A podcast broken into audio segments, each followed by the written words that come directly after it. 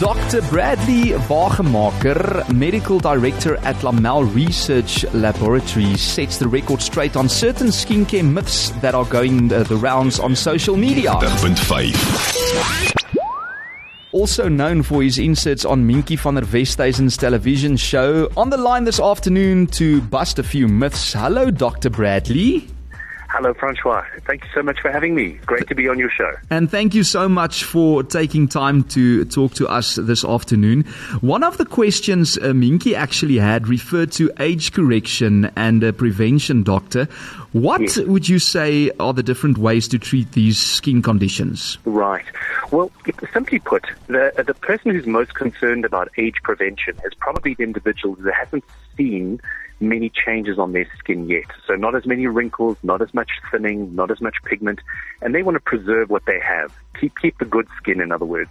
Whereas the age correction individual, they seeing these signs, they want them gone. And the difference between how that has to be addressed is one, you've got to physically go and change something, and the other, you just need to protect. So the strategies are very, very different, and uh, the, the approaches and the treatments and ingredients are fairly different as well. And let's get real about skincare. Thanks to hmm. Instagram Reels and TikTok these days, we have more skincare advice at our fingertips than ever before.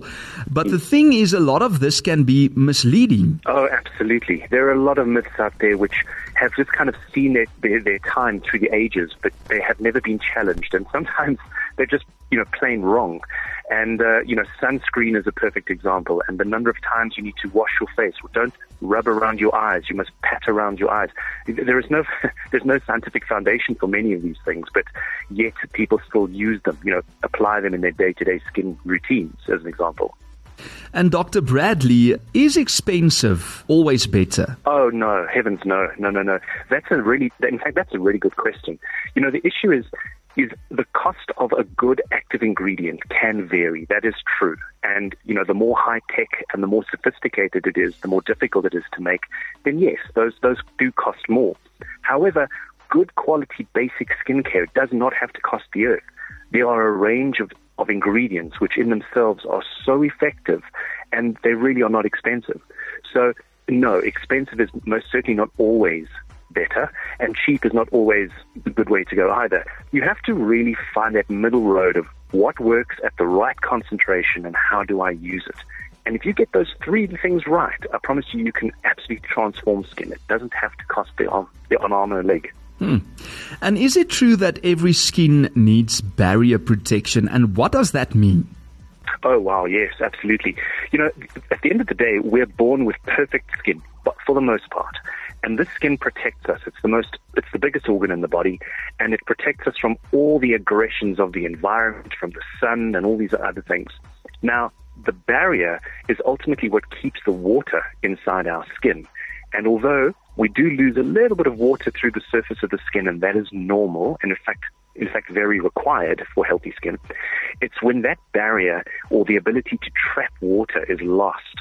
And what happens is that excess water just evaporates through the skin, and this triggers a horrific response of redness and pain or tenderness of the skin, and it can cause and worsen a whole lot of additional skin concerns. So the barrier is a specialist layer of, I don't want to call them oils because they're actually lipids, but these specialized lipids which sit inside the cells between the skin cells, and that actually what waterproofs us humans.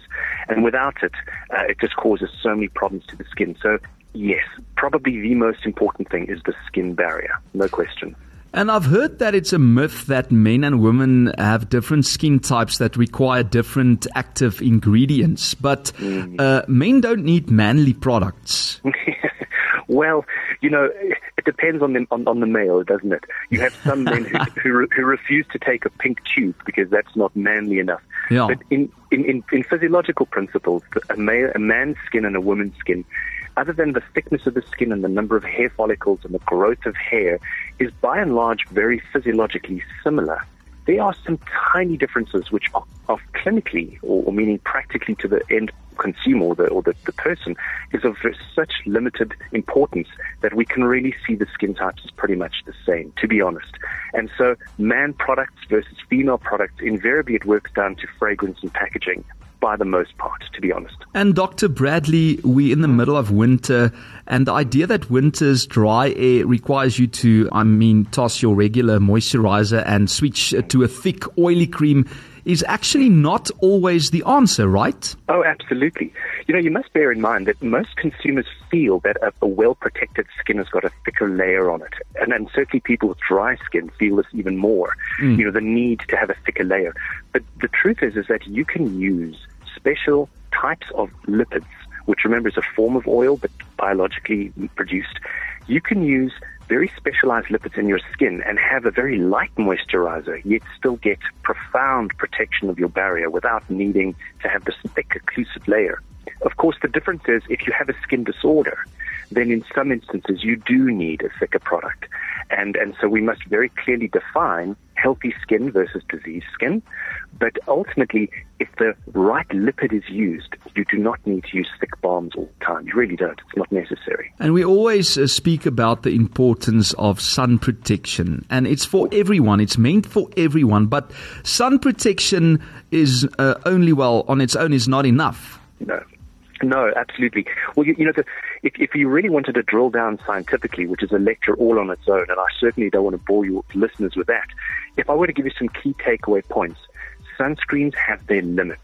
They, they are profoundly useful, and mm. they certainly are vital in protecting us by and large from, from the formation of, of cancer cells in our skin. There's mm-hmm. no question.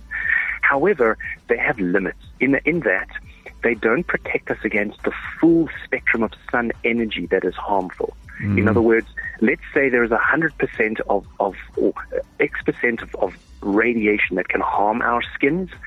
Sun protection at its best can probably give us somewhere between 30 excuse me, 70% protection against that harm. And the remaining 30, we can't protect with those ingredients. So antioxidants combined with sunscreens, and of course using the sunscreens correctly, are by and large the way to go because the antioxidants act as a second backup to what the filters of sunscreens can't always do. So invariably, those two should go together for optimal sun care. How do I um, apply the antioxidant then? Is it mm. also like a product that I can buy? Oh, certainly. You, you could certainly buy them individually and apply them separately to your sunscreen. Many manufacturers of good quality sunscreens are now including those extra powerful antioxidants into the mix already, if you will. Mm. And this kind of gives you that complete protection. Now, people speak about broad spectrum, and I'm suggesting that broad spectrum, although very necessary, isn't in itself, you know, perfect. And so the inclusion of, of high concentrations of effective antioxidants really do make the difference. The challenges for the consumer is to know, is this a good antioxidant? Is this at the right level? And invariably you can't, the average person on the street is unlikely to know that off by hand.